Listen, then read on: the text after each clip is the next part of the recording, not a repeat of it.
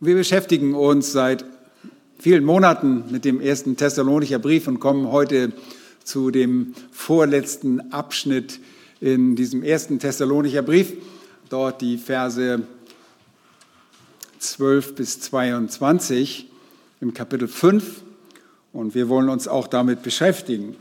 Zuvor ging es, wie ihr sehr wohl wisst, um die Ankunft für die Seinen beginnt dort in Kapitel 4, Vers 13 äh, bis Kapitel 5, Vers 11, was auch das Zorngericht an den Gottlosen einschließt. Es ging also nicht nur um die sogenannte Entrückung, sondern es war auch eine Klarstellung darüber, auf wen der Zorn Gottes, der Tag des Herrn kommen sollte und zukommt. Die Gemeinde wird nicht unmittelbar davon betroffen, und das ist die gute Nachricht.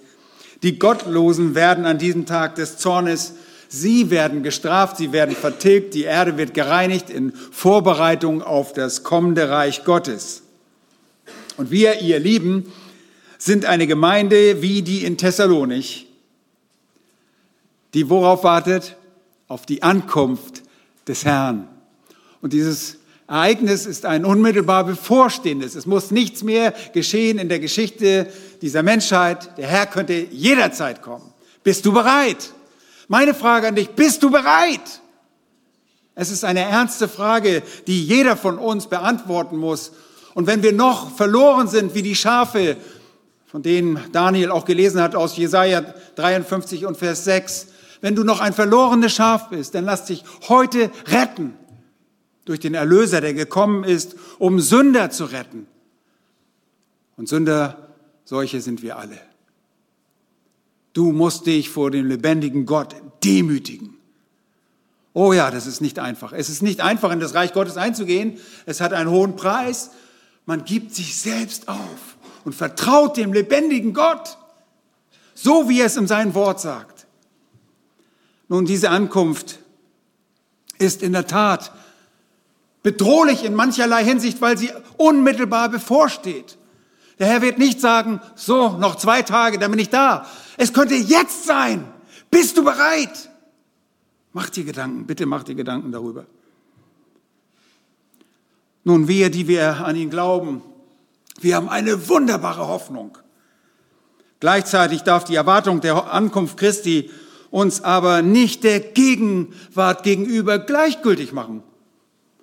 Wir können nicht sagen, oh, ja, vielleicht kommt er ja morgen, ich brauche nichts mehr machen, ich kann einfach meine Beine hochlegen. So war es nämlich auch in der Gemeinde der Thessalonicher, wie wir noch sehen werden im zweiten Thessalonicher Brief. Und wir haben gelesen, dass wir wachsam, wir sollen nüchtern sein, insbesondere in Hinsicht auf falsche Erwartungshaltung, in Hinsicht auf die Endzeit. Jetzt wendet sich auch deshalb das Missionsteam mit dem Apostel Paulus als Schriftführer dem Leben der Gemeinde zu. Jetzt wird es äußerst praktisch in diesem Brief. Mit dem Vers 11 in Kapitel 5 leiten die Gemeindegründer zu diesem wichtigen Teil der Praxis über. In Kapitel 4, dort am Ende erinnert ihr euch an die Worte, hieß es, ermuntert nun einander mit diesen Worten, nämlich die die Ermunterung, dass die Entrückung bevorsteht und dass keiner verloren geht, auch die Toten in Christus nicht, dass sie auch mit auferweckt werden, dass wir mit ihm vereint werden in der Luft. Und nachdem sie die Frage zum Tag des Herrn in Kapitel 5 erklärten, steht in Vers 11, deshalb ermutigt oder ermahnt einander. Ich habe euch gesagt, dieses Wort Parakaleo können wir ja so oder so auslegen. Erbaut einer den anderen, wie ihr es auch schon tut. Sie erbauten einander. Mit dieser Kenntnis konnte man einander ermutigen. Mit anderen Worten, lasst nicht zu, dass jemand sich durch die Zukunft entmutigen lässt oder schwärmerisch unordentlich wandelt. Ermutigt einander. Und manchmal müssen wir einander ermahnen, Erbaut einander, und ihr Lieben, wie ihr es auch tut. Seid zuversichtlich. Und das führt unmittelbar zu der Frage, wie wir einander erbauen sollen. Wie sollen wir das denn machen? Der von uns anvisierte Abschnitt gibt eine Anweisung für das Leben der Gemeindemitglieder miteinander. Der Text betont die Gemeindepraxis. Gemeinden brauchen gesunde Anweisungen, wie sie miteinander umgehen.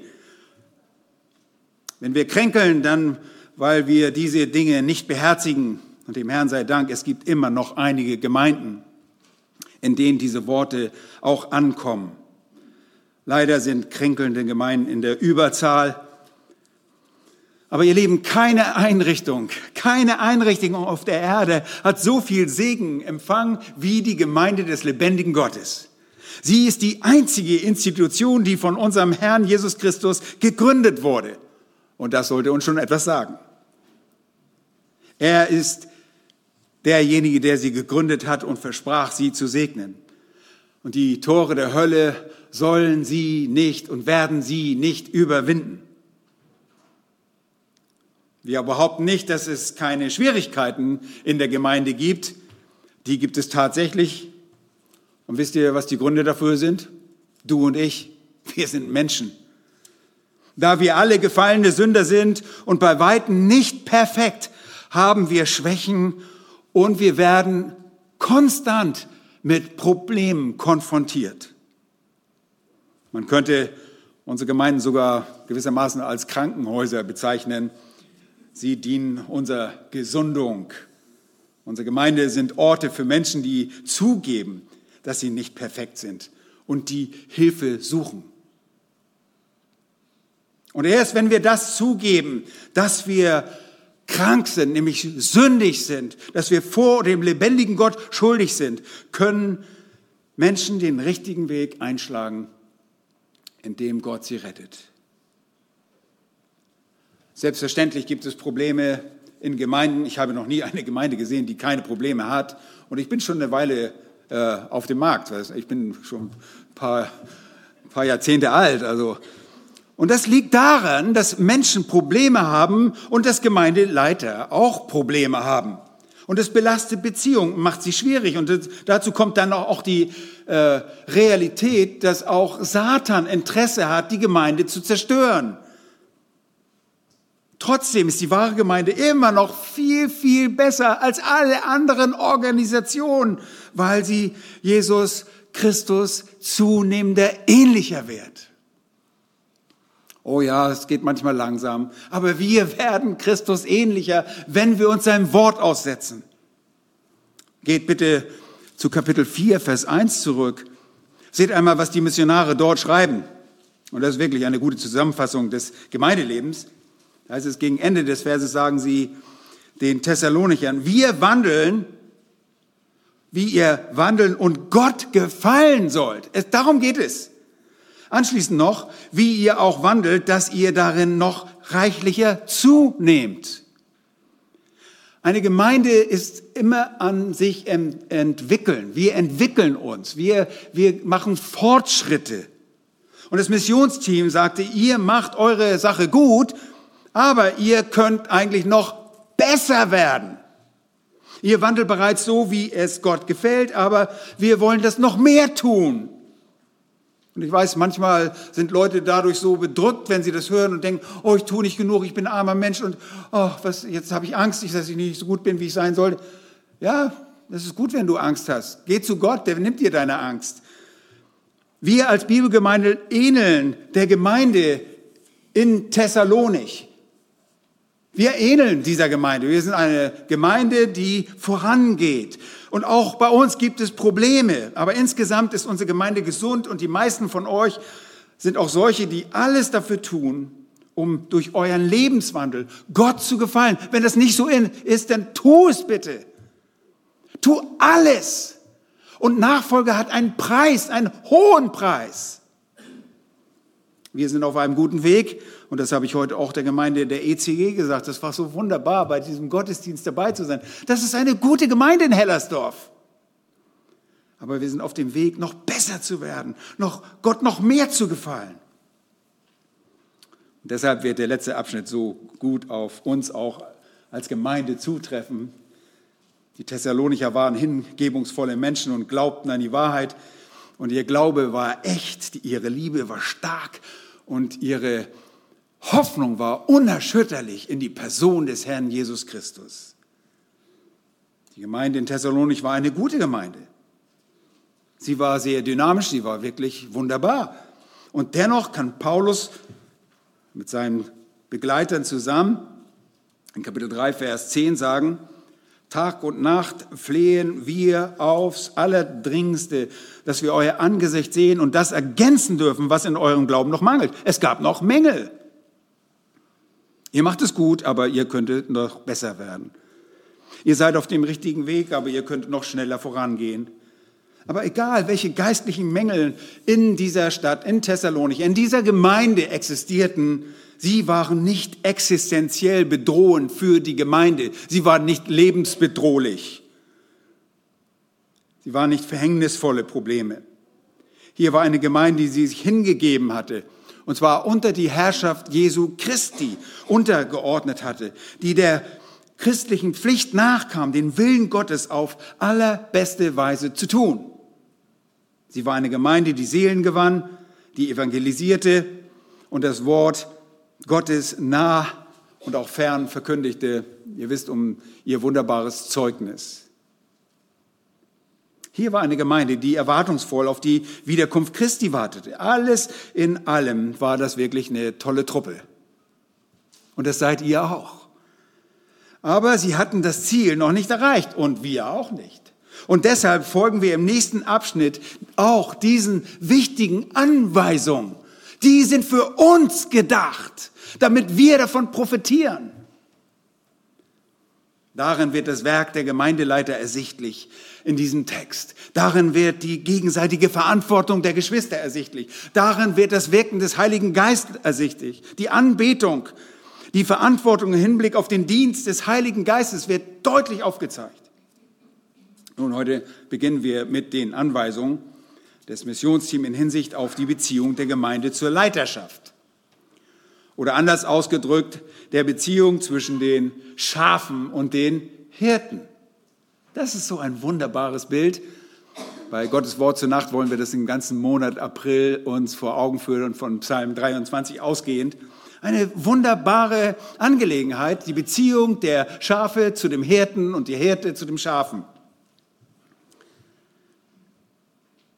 Anders ausgedrückt, diese Beziehung ist eine sehr intime Beziehung. Wir lesen in Versen 12 und 13 und das ist der Predigtext für heute Nachmittag. Lass mich das lesen. 1. Thessalonicher 5, 12 und 13. Wir bitten euch aber, ihr Brüder, dass ihr diejenigen anerkennt, die an euch arbeiten und euch im Herrn vorstehen und euch zurechtweisen und dass ihr sie umso mehr in Liebe achtet, um ihres Werkes willen. Lebt im Frieden miteinander. Soweit der Predigtext. Heute beginnen wir also mit den Anweisungen der Missionare in Hinsicht auf die Beziehung der Gemeinde zur Leiterschaft. Oder anders ausgedrückt, der Beziehung zwischen den Schafen und den Hirten. In diesen beiden Versen geht es um die Beziehung zwischen Pastoren und Menschen, also Hirten und Schafen. Und das, ihr Lieben, ist der, wirklich der Knoten, der Dreh- und Angelpunkt einer gesunden Gemeinde. Nichts, absolut nichts ist verheerender für das geistliche Wachstum einer Gemeinde als eine ungesunde Beziehung zwischen den Schafen und ihren Hirten. Und wenn es in diesem Bereich Probleme gibt, dann kann es keine gesunde Herde geben. Wenn die Hirten ihre wahre geistliche Verantwortung gegenüber den Schafen nicht erfüllen und die Schafe ihre eigene geistliche Verantwortung nicht erfüllen, dann kann die Gemeinde nie das sein, was Gott für die Gemeinde vorgesehen hat. Und heute wollen wir nur einen Teil davon betrachten. Wir werden nicht mal mit diesen beiden Versen fertig. Es wird noch einen zweiten Teil geben. Heute wollen wir das Werk der Gemeindeleiter deiner Hirten gegenüber äh, der anvertrauten, ihrer anvertrauten Herde sprechen. Was ist die Verantwortung, das Werk deiner Gemeindeleiter? Was ist die Verantwortung der Hirten gegenüber der Gemeinde. Nun, der Titel ist äh, recht provozierend, das Werk deiner Gemeindeleiter. Oh, jetzt werden wir wirklich geprüft. Äh, was müssen wir, die wir als Hirten Gemeindeleiter sind, tun? Worin genau besteht unsere Verantwortung gegenüber unserer Geherde genau hier an diesem Ort? Und während das Neue Testament sich entfaltet, müssen wir hier zu einer Klarstellung beitragen, nämlich im Laufe des Neuen Testaments wird deutlich, wer die Leiter der Gemeinde sind. Die Gemeindeleiter werden im Neuen Testament durch Apostel und ihre Beauftragten eingesetzt. Unsere Männer haben das heute Morgen im Titusbrief und äh, im Timotheusbrief gelesen und studiert. Und dabei werden in der Schrift vier Titel für diese Leiter verwendet. Und das erste ist, das kennt ihr auch alles, benutzen wir, das ist, sind die Ältesten. Wir sind Älteste.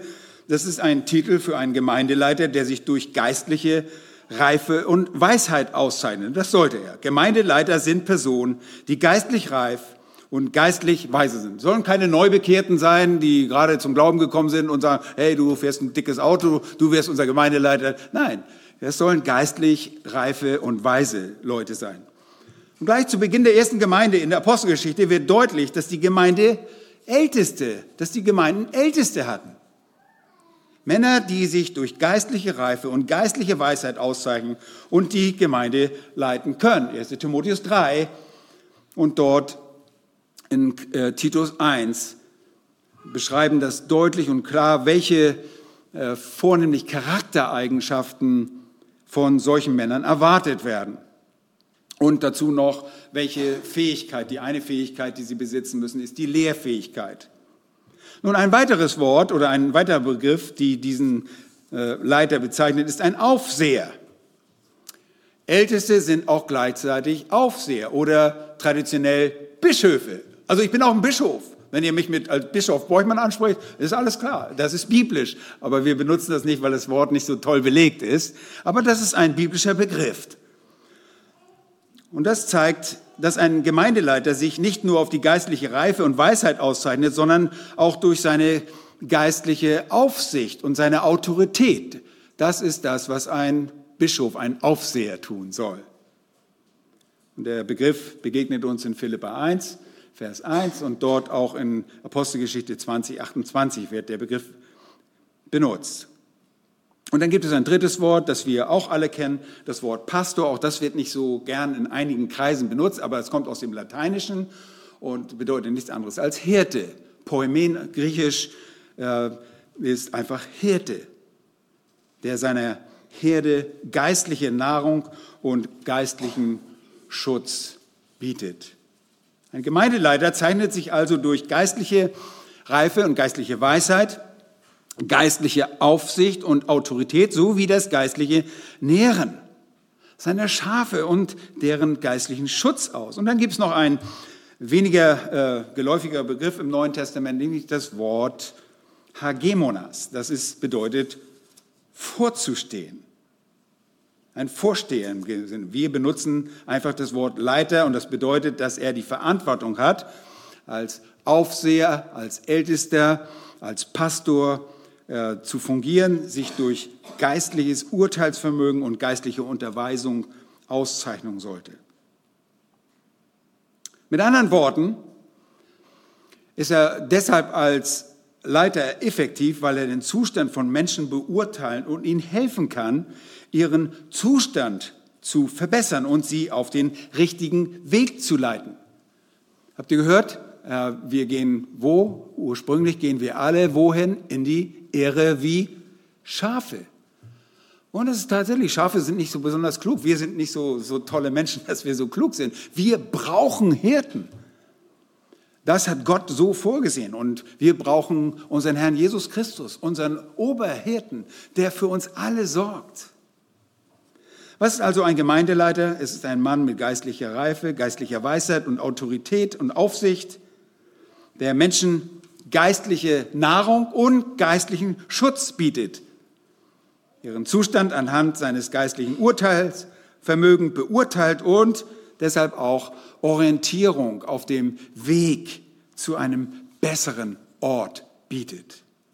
Und das ist ein Leiter. Nun, es gab ein Problem. Die Thessalonicher bestanden aus was für Leuten? Fast alles neu. Das waren neu Bekehrte. Die Gemeinde war noch gar nicht alt. Wie ist es in solch einer Gemeinde möglich, Älteste zu finden, die geistlich reif und weise sind? Die die Wahrheit auf tiefgründige Weise verkünden und den Menschen auf den richtigen Weg für die Zukunft äh, ein Wegweiser sein können. Wie findet man Menschen in solch einer Gemeinde? Nun, das ist wahrscheinlich nicht möglich. Zumindest werdet ihr keine Menschen finden, die all dieses Ziel bereits erreicht haben. Nicht, dass es ein Ältester jemals erreichen würde, aber dort in Thessalonik war das ein großes Problem. Ihr erinnert euch dann, das Missionsteam war nur wenige Monate dort. Und ein Ältester reift nicht mal ebenso über Nacht oder in ein paar Monaten. Aber dennoch gab es solche, die den anderen vorstanden, die an anderen arbeiteten, die ein größeres Verständnis, größere Reife hatten. Obwohl in diesem Brief keine Ältesten erwähnt werden, keine Aufseher, keine Pastoren, keine Leiter erwähnt, Vers 12, doch eindeutig, schaut in den Text, da steht, Personen, die euch im Herrn vorstehen. Nun, das Missionsteam unter der Leitung von Paulus, also mit seiner apostolischen Autorität und geführt vom Heiligen Geist, konnte dennoch gewisse Männer identifizieren, denen er wahrscheinlich und den auch äh, Silvanus, der Prophet, der neutestamentliche Prophet, die Aufgabe gab, diese Männer und andere, die Gemeinde zu belehren und sie zu führen. Und sie waren so mit in einem gewissen Sinne schon älteste Vorsteher, die sich aber noch in der Entwicklung befanden.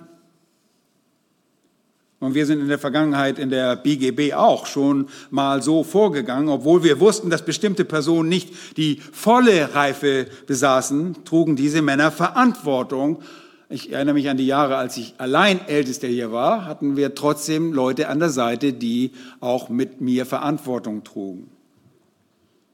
Sie trugen den Titel zwar noch nicht, erlernten jedoch die Aufgaben eines Leiters.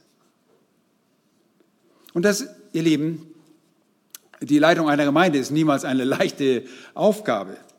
Und es ist durchaus möglich, dass es Konflikte in der Gemeinde in Thessalonik gab, und sich manche auch wunderten, warum diese anderen ihnen vorstanden und sich deshalb nicht ganz so bereitwillig unterordneten. Ihr wisst, es gibt immer so ein bisschen Gerangel. Wer darf was sagen? Wer steht wo? Ah, ich bin schon ein bisschen länger hier. Ich bin hier ein Platzhirsch. Und äh, Moment, wie wird das so geregelt? Eben deshalb schreibt dieses Team diese beiden Verse und ermutigt die Gemeindemitglieder, in Frieden miteinander zu leben. Schaut in den Text, steht sehr deutlich dort in Vers 13, lebt in Frieden miteinander. Es gab also durchaus auch Konflikte. Das ist, das ist auch ein Stück weit normal in einer Gemeinde. Aber diese waren nicht existenzbedrohende Konflikte. Diese Konflikte in einer Gemeinde werden gelöst, wenn die Leiter ihr Werk tun und die Herde ihrer Verantwortung, ihren Leitern gegenüber auch gerecht werden. Nun, lasst mich zu dem ersten Punkt Ihres Werkes beziehungsweise unseres Werkes betrachten. Der Titel war ja das Werk deiner Gemeindeleiter. Und das trifft auf alle anderen Gemeindeleiter auch zu. Wir sind da nicht exklusiv. Aber erstens ist es unsere Verantwortung, unsere Aufgabe, oder Verpflichtung, ihr könnt euch aussuchen, ich denke, Verpflichtung oder Verantwortung ist wahrscheinlich das Beste, unter euch zu arbeiten. Es ist unsere Verpflichtung, unter euch zu arbeiten. Vers 12 heißt es, die an euch arbeiten. Elberfelder sagt, die unter euch arbeiten.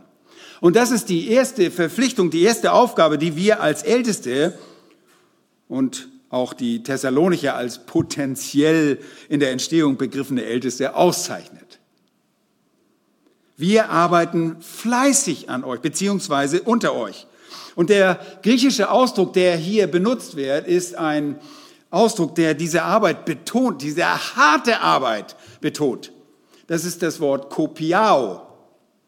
Es bedeutet, bis an den Rand der Schöpfung zu arbeiten, große Anstrengungen zu unternehmen und zu arbeiten, bis wir müde sind. Nun, manchmal verstehen Gemeindeglieder nicht und äh, das kann man nicht mal den äh, Gemeindemitgliedern die Schuld dafür geben, aber sie wissen gar nicht, was ein Ältester tut. Sie denken, du stehst hier am Sonntag, wir wissen, dass du da für ein paar Minuten auf der Kanzel stehst. Was machst du den Rest der Woche? Okay. Nun, da arbeiten wir hart, damit wir überhaupt was zu sagen haben. Ein Hirte wird durch harte Arbeit charakterisiert, wenn er seine Arbeit so tut, wie Gott es will. Diese Arbeit geschieht unter den eigenen, und hier wird betont, den eigenen Gemeindemitgliedern, bis der Leiter am Rand der Erschöpfung steht. Die eigene Gemeinde, ihr Lieben, die eigene, ich betone das ganz bewusst, die eigene Gemeinde ist der Einflussbereich, auf den sein Dienst sich erstreckt und beschränkt. Ist ja als Pastoren ist man immer gefragt oder als Hirten, kannst du nicht mal da einen Dienst tun? Kannst du nicht mal hier helfen? Und das hat auch alles seine Berechtigung. Aber unsere Priorität ist unter den eigenen Leuten hier am Ort. Und wir sind nicht irgendwo Hans Wurst in allen Gassen oder Hans Dampf, sagt man, ne, Hans Wurst ist was anderes. Hans Dampf in allen Gassen und überall und wir machen hier was und da. Wir sind, oh, wir sind richtig gut und Mann, hast du gesehen, was ich schon alles geschafft habe? Puh, Mann, ich bin richtig gut. Darum geht es nicht. Es geht darum, an diesem Ort sich zu verausgaben unter den eigenen Leuten. Seine Aufgabe der harten Arbeit liegt nicht außerhalb der Gemeinde. Seine Arbeit ist nicht weit entfernt sondern im engen Kontakt mit seiner Gemeinde. Ganz wie ein Hirte engen Kontakt mit seiner eigenen Herde hat und genauso wie ein Vater mit seiner eigenen Familie. Nun, er soll bei seiner geistlichen Arbeit Anteil an seinem Gemeindemitglieder nehmen. Und er soll unter ihnen sein, mitten zwischen ihnen und an ihnen arbeiten. Ihr Lieben, das bedeutet nicht, dass wir zwischen ihnen sind. Wir müssen auf jeder Party mittanzen, auf, auf jedem Geburtstagsklatsch oder, Entschuldigung, an jeder Geburtstagsparty dabei sein. Das heißt es nicht. Ganz im Gegenteil, wir müssen uns sogar oft zurückziehen, damit wir die Arbeit machen, damit wir sie richtig machen können und uns vorbereiten. Es bedeutet aber, die Herde zu kennen. Er soll bei all seiner geistlichen Arbeit Anteil an den Gemeindemitgliedern nehmen. Er soll unter ihnen sein. Was tut er? Was tun wir? Nun, wir erklären das Evangelium und die Wahrheit. Wir leben die Wahrheit und wir warnen Gemeindemitglieder. Der Gemeindeleiter, der Hirte, der Aufseher, der Pastor, er ermahnt die Gemeinde. Er ermahnt die Gemeindemitglieder, der Leiter berät sie auf Grundlage der Schrift und hilft ihnen. Und vielleicht erinnert ihr euch noch, dass Paulus in Apostelgeschichte 20 sogar von Haus zu Haus ging und mit großer Hingabe und viel Einsatz über Gott gelehrt hat. Äh, das ist auch ganz, ganz wichtig, besonders in der Anfangsphase einer Gemeinde, in der Gemeindegründungsphase.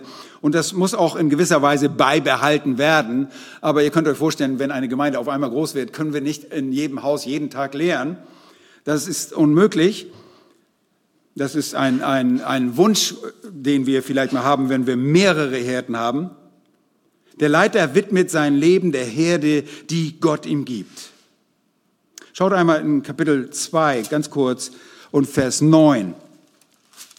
Dort kehren wir mal zurück und etwas genauer das Verhaltensmuster dieses Missionsteams uns anzuschauen. Da sehen wir Folgendes. In 2 Vers 9. Ihr erinnert euch, ja Brüder, an unsere Arbeit und Mühe, denn wir arbeiteten Tag und Nacht, um niemand von euch zur Last zu fallen und verkündigten euch dabei das Evangelium Gottes. Und als sie ankamen, gab es keine Gemeinde. Ihr erinnert euch, sie kommen nach Thessalonich, da war keine Gemeinde. Es gab keinen Ort, wo sie eine Sammlung durchführen konnten und sagen, okay, jetzt machen wir eine Sammlung und davon unterstützen wir das Missionsteam. Nein, sie mussten mühselig mit ihren eigenen Händen arbeiten und ihren eigenen Unterhalt verdienen, Tag und Nacht arbeiten, nur um sich selbst zu finanzieren. Zugegeben, die Philipper sandten dem Apostel Paulus zweimal einen Betrag zur Unterstützung seiner Bedürfnisse in dieser Phase. Aber das ist bei uns nicht anders gewesen. Wir, müssten, wir mussten alle hart arbeiten. Und ich erinnere mich an Nächte, in denen ich kaum geschlafen habe, weil ich beide Arbeiten im Beruf und die Arbeit in der Gemeinde zusammenbringen musste, damals in den Anfangsjahren meiner Dienstjahre. Ich war ein Kundendienstmonteur in, im Leonberg im schwäbischen Raum und ich weiß noch genau, wie die Uhr runtertickte und ich dachte, oh, wenn du jetzt nicht einschläfst, wie, wie willst du morgen durch den Tag kommen? Ich war Jugendleiter, ich habe gepredigt und ich habe mein eigenes Brot verdient. Und ich weiß genau, wovon äh, äh, diejenigen äh, reden, wenn sie Zeltmacher sind. Und es gibt diese Phase in dem Leben eines Hirten. Und dann mussten sie also sich voll auf die Gründung der Gemeinde auch noch konzentrieren. Das, das ist nicht irgendwie so ein Nebenprodukt. Ah, wir gründen mal eben eine Gemeinde. Wisst ihr, wie oft ich das schon erlebt habe, dass sich Leute getroffen haben, oh, wir sind auch hier, wir gründen eine Gemeinde.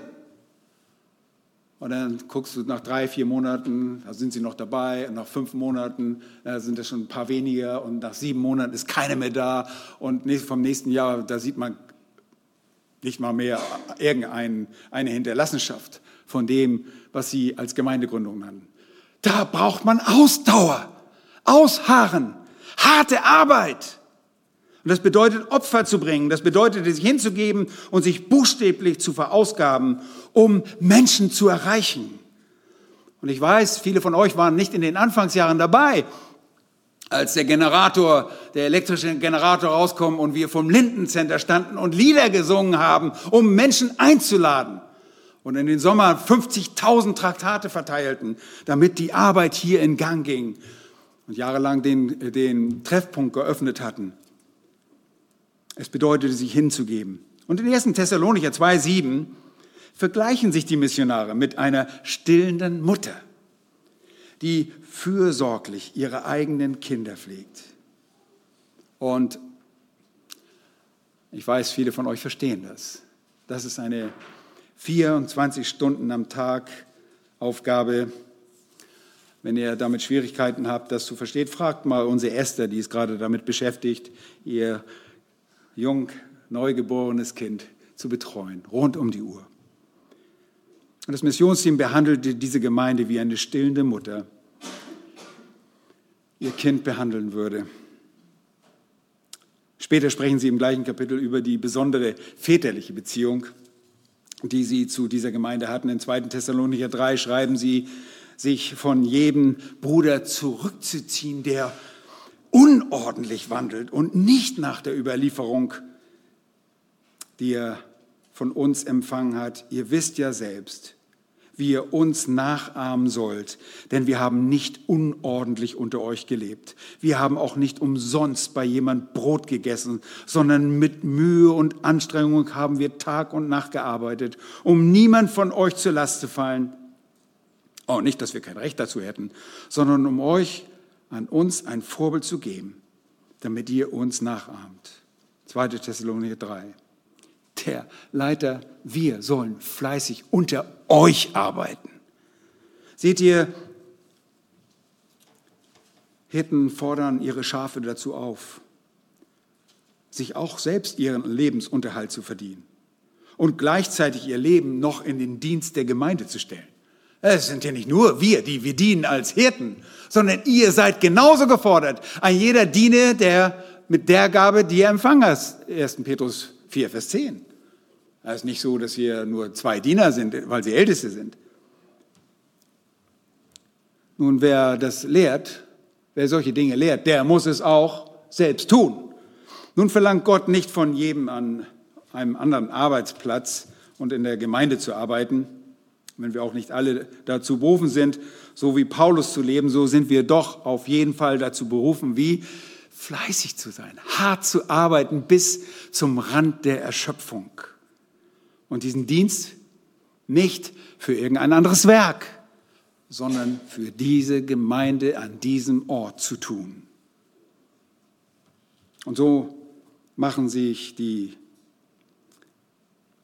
die, die Missionare in 2. Thessalonicher 3, 7, machen sie diese wunderbare Aussage. Wir haben nicht unordentlich gelebt.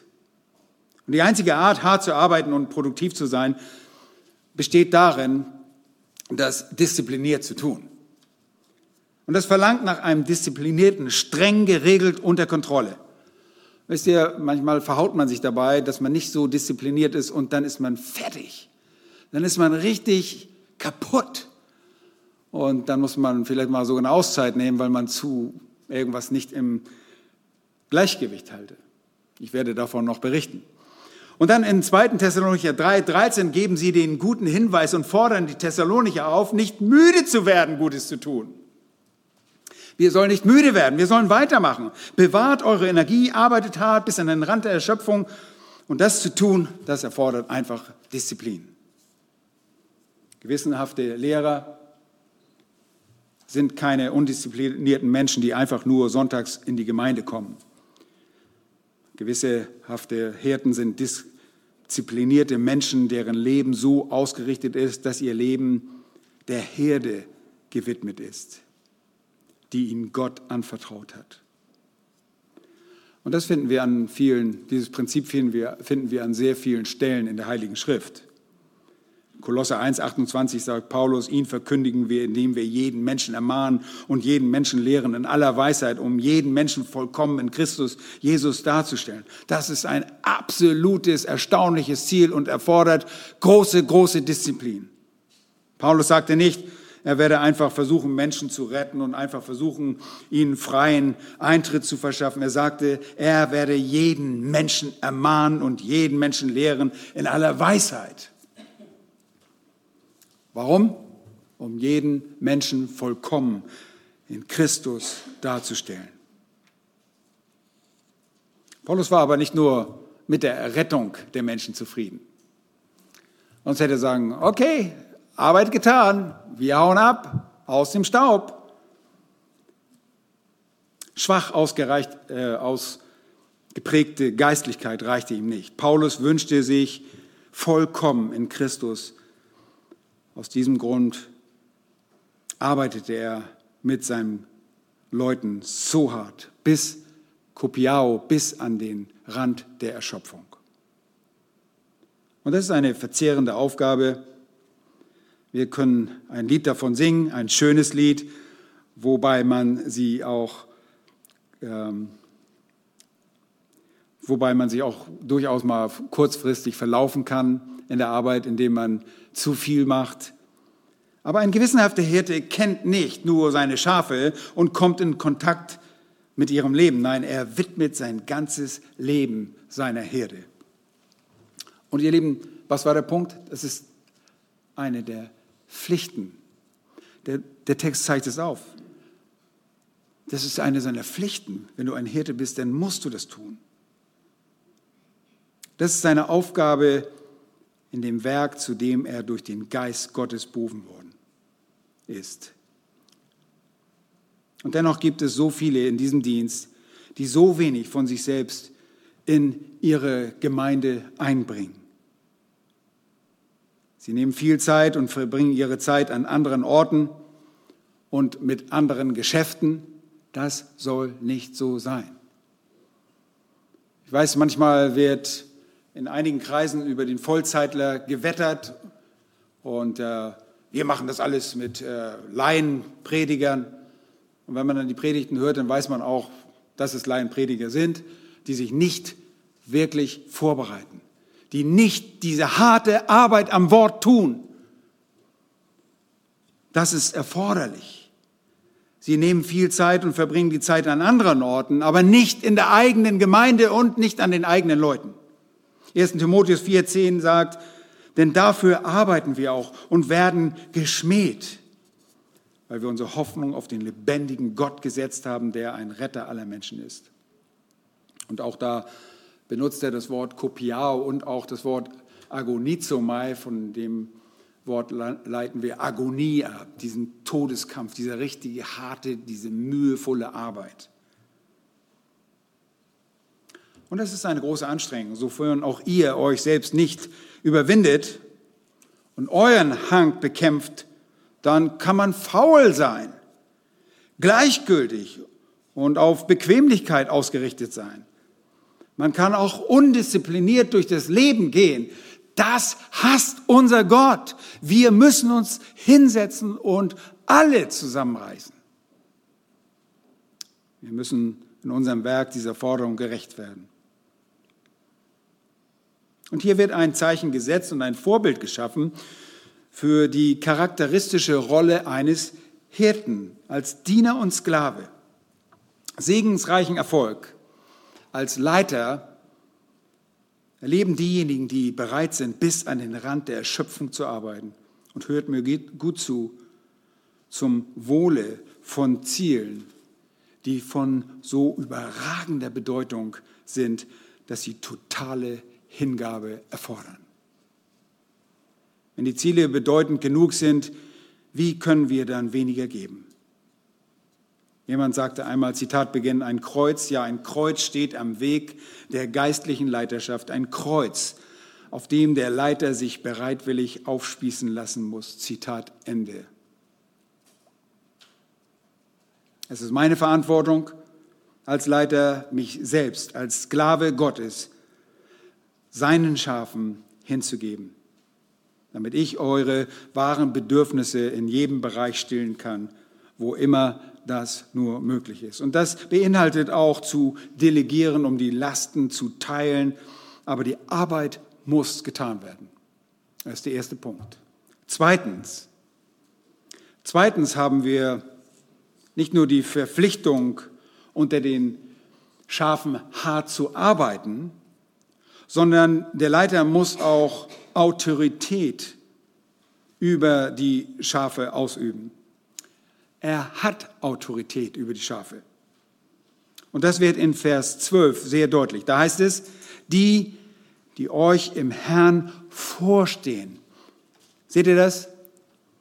Worin euch im Herrn vorstehen.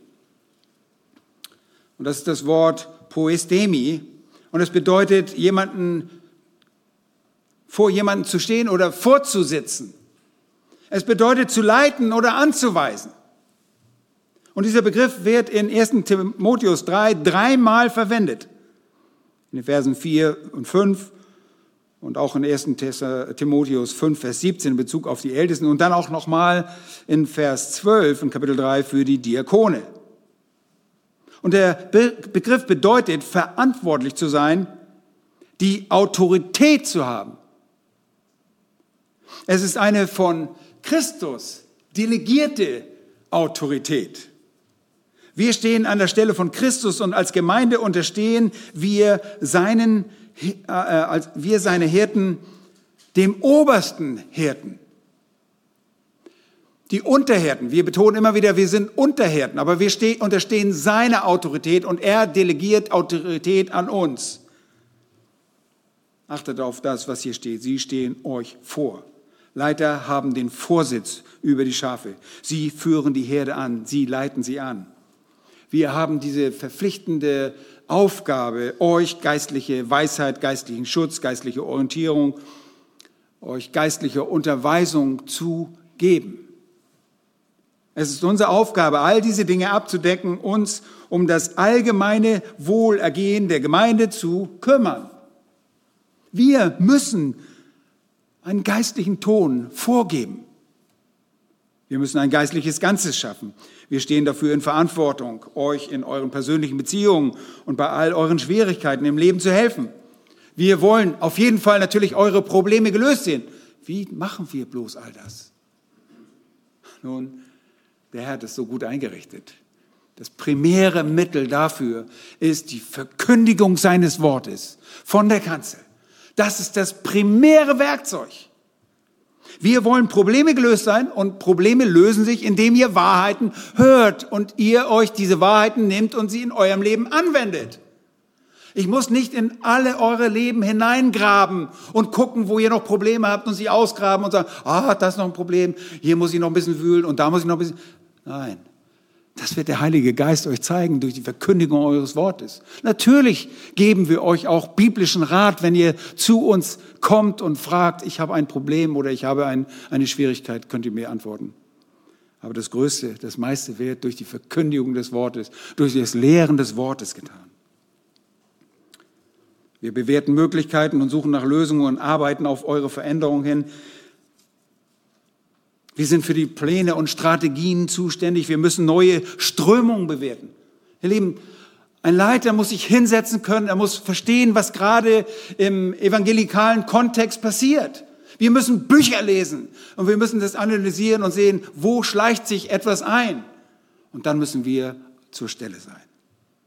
Wir müssen diese Strömung analysieren, wir müssen Einfälle auseinandernehmen und geben konstruktive Kritik gegenüber pastoralen Mitstreitern.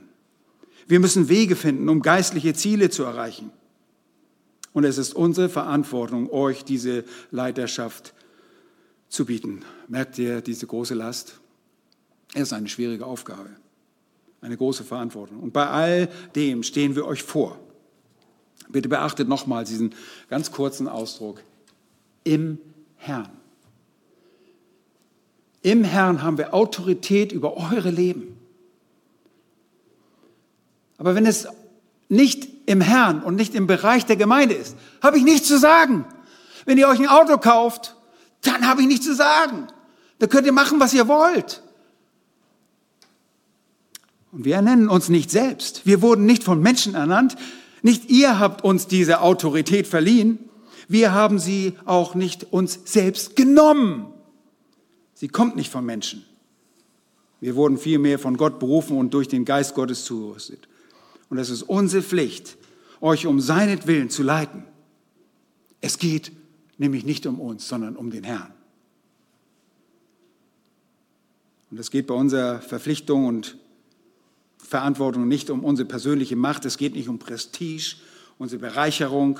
Sicherlich kann man da abirren und leicht in eine Streitigkeit hineingehen, wo es um einen selber geht, aber darauf müssen wir aufpassen. Es geht nicht um unsere Bereicherung, es geht nicht um unsere Karriere, es geht nicht um unseren Aufstieg, dass ich irgendwo eine große Gemeinde präsentieren kann und sagen, guck mal, wie toll ich bin. Darum geht es nicht. Es geht um den Herrn. Und dieser kleine Ausdruck in dem Herrn ist wirklich die Sphäre, das ist der Bereich, in dem unsere Autorität Gültigkeit hat. Und diese Autorität stammt von ihm. Er hat sie an uns delegiert. Ihr Lieben, wir haben diese Autorität nur, weil wir seinem Wort und seinem Willen gehorchen und gehorchen wollen. Es ist nicht unsere eigene Autorität. Und sie geht nicht über den Ausdruck seines Willens in seinem Wort oder durch sein, äh, seinen Geist hinaus.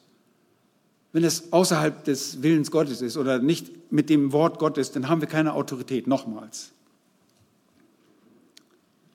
Und wenn ihr mich zu Dingen außerhalb des Wortes Gottes und deren Anwendung auf die Gemeinde befragt, dann habe ich und dann auch, auch Daniel einfach nichts zu melden, gar nichts. Meine Autorität ist nur in dem Herrn. Und deshalb ist es eine große Aufgabe und Verantwortung vor dem Herrn. Petrus sagt in 1. Petrus 5, wir sollen nicht über die Herde herrschen, wir sollen euch nicht beherrschen, wie die Heiden es tun, gemäß Lukas 22, Vers 25. Die tun es nämlich. Es ist nicht diese Art von Autorität. Hier handelt es sich um eine sanfte, verliehene Autorität, die nicht uns dient, sondern euch. Die nicht uns erhebt, sondern euch erhebt. Und das verpflichtende Werk, die Verantwortung auf unserer Seite besteht darin, hart unter seinen Schafen zu arbeiten und all ihren wahren Bedürfnissen zu dienen und dann Autorität über sie auszuüben. Drittens, in diesem Text finden sich dort die Worte äh, am Ende von Vers 12. Sehr direkt. Und euch zurechtweisen. Die dritte Verpflichtung in dem Werk der, deiner Hirten, die besteht darin, dass wir euch, die Schafe, zurechtweisen. Erstens gilt es unter diesen Schafen hart zu arbeiten. Zweitens gilt es, Autorität über die Schafe auszuüben. Und drittens gilt es, euch als Schafe zurechtzuweisen. Und das griechische Wort ist nuteteo und das bedeutet nichts anderes als ermahnen. Und in euren Bibeln habt ihr das Ermahnen sicherlich schon oft gelesen, aber ihr denkt vielleicht auch an Parakaleo. Aber hier ist es das Wort Nuteteo und es ist im Prinzip eine Ermahnung, die mit einer Zurechtweisung einhergeht, mit einer Unterweisung einhergeht. Ermahnung, die mit Unterweisung einhergeht. Eine Ermahnung ohne Unterweisung ist, ist eigentlich witzlos. Ist genauso wie in der Erziehung. Du sollst das nicht tun, sagst du deinen Kindern. Das Kind, warum? Warum? Belehr dein Kind, warum es etwas nicht tun soll. Das ist die Unterweisung. Eine Zurechtbringung muss mit Unterweisung geschehen. Dabei schwingt der Gedanke der Korrektur mit. Und das impliziert, dass wenn ihr Probleme oder bekommen werdet, Probleme bekommen werdet, weil ihr vielleicht einen falschen Weg einschlagt, dass wir diesen Weg und euer Denken zurechtweisen müssen. Das ist unsere Pflicht, unsere Aufgabe. Und ihr solltet dann umkehren und einen anderen Weg einschlagen. Ihr Lieben, das ist weder pedantisch noch irgendwie besserwisserisch. Es geht lediglich darum, euch Anweisung zu geben, dass ihr euren Weg ändert gemäß dem, was Gott sagt. Wir müssen korrigieren, euch auf den richtigen Pfad bringen. Und das gehört zu unserer Aufgabe. Nun stellt euch aber nicht vor, dass wir immer nur jedem hinterherlaufen und wie geistliche Agenten und Spione euer Leben deshalb beobachten und sagen, ah, oh, das ist verkehrt, das musst du verkehrt machen und immer nur mit der Keule über euch schlagen. Nein, Korrektur geschieht im Weiden der Herde. Und Zurechtweisung kommt auch von der Kanzel, oftmals und meistens von der Kanzel. Wir haben es in der Vergangenheit oft erlebt. Ich habe es in meinem eigenen Leben erlebt. Ich sitze im Gottesdienst mit meinem hochroten Kopf und ich weiß, ich muss etwas in meinem Leben ändern. Ich bin zurechtgewiesen worden durch den Verkündiger, der mir das Wort Gottes gesagt hat. Und dann laufe ich nicht aus der Gemeinde weg und sage, weil ich es nicht mehr hören will, sondern dann frage ich, wie kann ich das ändern in meinem Leben? Wir predigen, damit das euch erreicht. Wir predigen, damit du sagst, oh, hier bin ich und ich müsste aber eigentlich da sein. Das muss ich tun, um dorthin zu gelangen. Und das ist immer so. In jeder Predigt geht es im Prinzip darum, euch als Schafe an den Punkt zu bringen, an dem ihr seht, wo ihr sein solltet. Und ich auch, wenn ich das vorbereite. Denn wenn ich den Text vorbereite, merke ich auf einmal, ups, mal, du musst wieder da sein, wo das Wort Gottes es sagt, du sein solltest. Das ist das, was das Wort Gottes mit uns macht. Und oft sind wir einfach nicht dort. Und das erfordert eine Korrektur, es erfordert nicht ein Weglaufen. Und es geht darum, euch zu dem zu machen, was ihr sein solltet. Zurechtweisung ist also eine Lehre mit einem Element der Warnung und Korrektur. Ja, ein Element des Lenkens in die Richtung eines heiligen Lebens. Wir könnten euch sagen, dass es eine sanfte Ermahnung für heiliges Leben ist. Das trifft es eigentlich sehr gut. Und ich finde es so schön, wie dieses Missionsteam dieses Wort ausspricht. Schaut mal zu Beginn dort heißt es, wir bitten euch aber, ihr Brüder. Auf eine sehr sanfte Art. Die kommen nicht mit der Keule und sagen, hey, wir sind Apostel, ich bin ein Apostel, ich habe einen Propheten mitgebracht und Timotheus, der wird auch noch einer. Nein, die kommen einfach ganz freundlich mit einer Bitte, treten sie an ihn heran an diese Gemeinde heran. Nun, es geht darum, euch zu dem zu machen, was ihr sein solltet. Das Wort in 1. Korinther 4,14, das für dieses Ermahnen auch äh, verwendet wird, wie ein Vater sein geliebtes Kind unterweist. So ist es gemeint hier. Wir gehen auch nicht mit unseren Kindern mit der Knüppel auf den Knüppel los und unterweisen sie auf diese Art und Weise. Das tun wir nicht. Paulus sagt den Korinthern, er habe sie unterwiesen, wie ein Vater das mit seinen geliebten Kindern tut. Ich habe euch ermahnt. Und Kinder müssen erwarnt werden, denn Torheit steckt in ihren Herzen. Und die Kinder müssen ermahnt werden. Eure Kinder müssen von euch erzogen werden, nicht von uns. Das ist eure Aufgabe. Und man steuert Kinder durch Ermahnung sanft von deren Dingen weg, die ihnen Schaden zufügen. Und ihr führt sie langsam dahin, was ihnen gut tun wird. Das müssen sie verstehen. Ihr führt eure Kinder dahin, zu den Dingen, die sie segnen werden. Und die Quelle für diese Aufgabe ist selbstverständlich das Wort Gottes. Als Hirten müssen wir deshalb unterrichten können. Und das wisst ihr, das ist das einzige, die einzige wirkliche Herausforderung, die Fähigkeit, die ein Ältester braucht. Alles andere in 1. Timotheus 3 und Titus 1 sind Charaktereigenschaften, aber die einzige Fähigkeit ist, ein Ältester muss lehren können. Wenn, ihr, wenn das nicht ankommt, was ich sage bei euch, dann musst du fragen, vielleicht ist es gar kein Leiter. Dann hätten das andere auch schon gemerkt und dann hätte ich, wäre ich vielleicht nie eingesetzt worden als ein Hirte. Die einzige Fähigkeit ist, fähig zu lernen. Hirten müssen lehren können. Titus 1,9 sagt, es ist einer, der sich aus das zuverlässige Wort hält, wie es der Lehre entspricht. Mit anderen Worten besitzt er dieses positive Bestreben, sich an das zuverlässige Wort zu halten, wie es der Lehre entspricht. Und der Zweck liegt darin, dass wir imstande sind, mit der gesunden Lehre zu ermahnen. Und dann auch die, solche, die widersprechen, zu überführen. Manchmal stehen wir da und uns fällt nichts ein. Es ist nicht immer so, dass wir alles sofort parat haben. Ich lade jetzt schon zu der Gemeindestunde ein. Wir werden euch ein bisschen von unserem Herzen mitteilen. Aber hier in diesem Text geht es einfach darum, dass wir diejenigen als Leiter, die an die Wahrheit glauben, ermahnen können, die Wahrheit zu praktizieren und diejenigen, die die Wahrheit leugnen, ermahnen können, ihre Fehler einzugestehen und die Wahrheit zu akzeptieren. Wisst ihr, wir haben einen riesigen Vorteil. Die Herde, die wahre Herde Jesu Christi, die will die Stimme des Hirten hören, nicht ihres Hirten, der hier vorne steht, sondern des wahren Hirten. Meine Schafe hören auf meine Stimme. Jetzt ist es nur meine Aufgabe als der Unterhirte, die Dinge weiterzugeben, die Jesus sagt.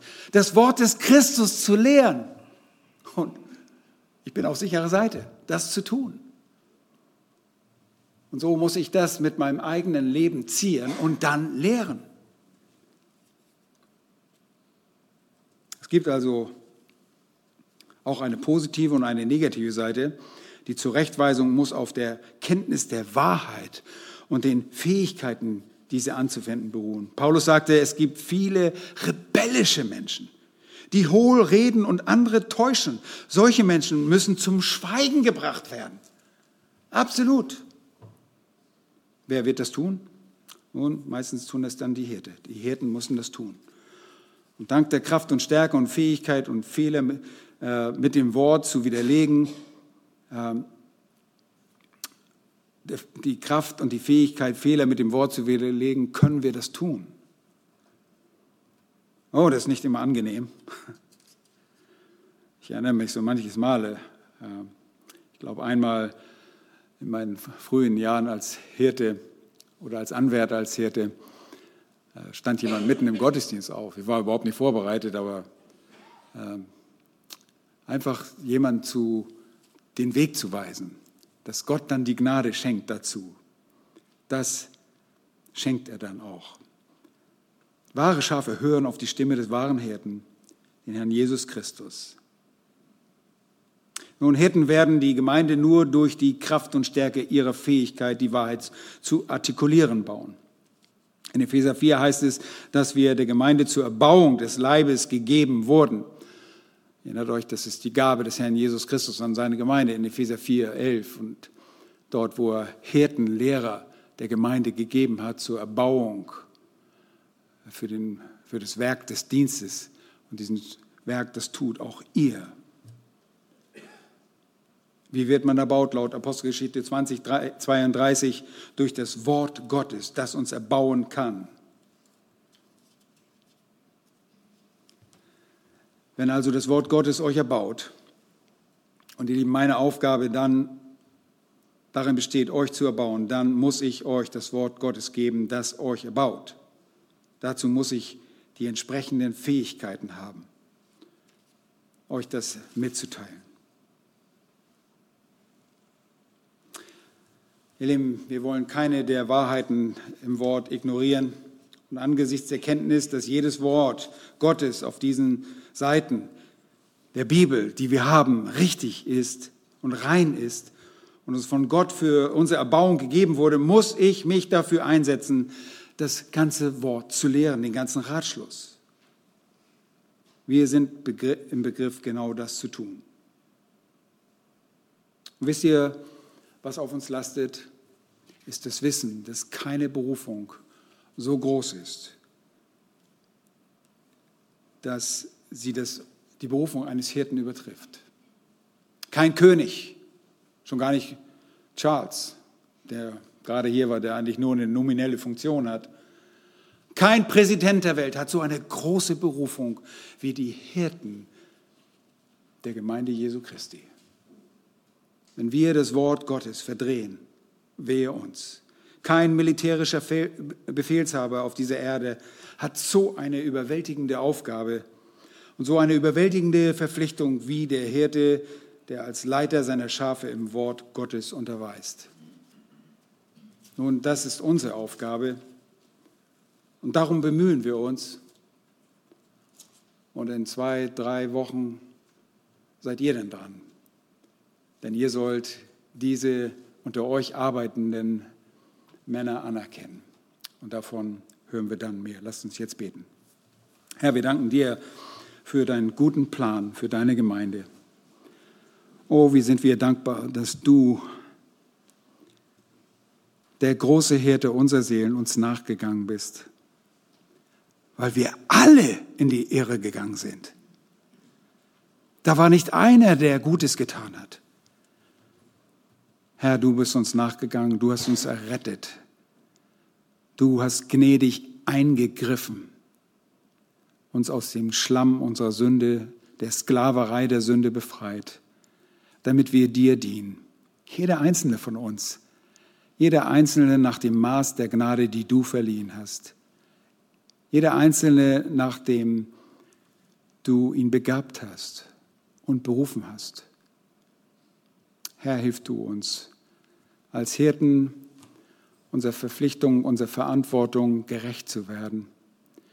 Dass wir als harte Arbeiter an deinem Wort unter den Leuten arbeiten, die du, unter den Schafen, die du uns gegeben hast. Herr, das ist unsere erste Liebe, die lokale Gemeinde. Herr, auf dass dein Name verherrlicht wird. Das ist unser größter Wunsch. Herr, und wenn wir Autorität ausüben, dann nur, weil du uns Autorität verliehen hast. Herr, hilf, dass wir niemals diesen Bereich, diese Sphäre in irgendeiner Art und Weise überschreiten, sondern nur eine Autorität im Herrn. Hilf du uns auch in der Zurechtweisung. Herr, niemand wird gerne zurechtgewiesen. Herr, wir wollen diese Zurechtweisung in aller Demut und Sanftmut tun. Aber wir wollen es dennoch tun, weil wir alle daran interessiert sind, eines Sinnes zu sein, auf dich ausgerichtet zu tun, was du sagst. Wenn wir in die Irre gehen, dann hilf du auch unseren Geschwistern, uns zu korrigieren, wenn wir diese Korrektur brauchen. Wir lieben dich und danken dir von ganzem Herzen für deine Befähigung und deine Hilfe in deiner Gemeinde. In Jesu Namen. Amen. Amen.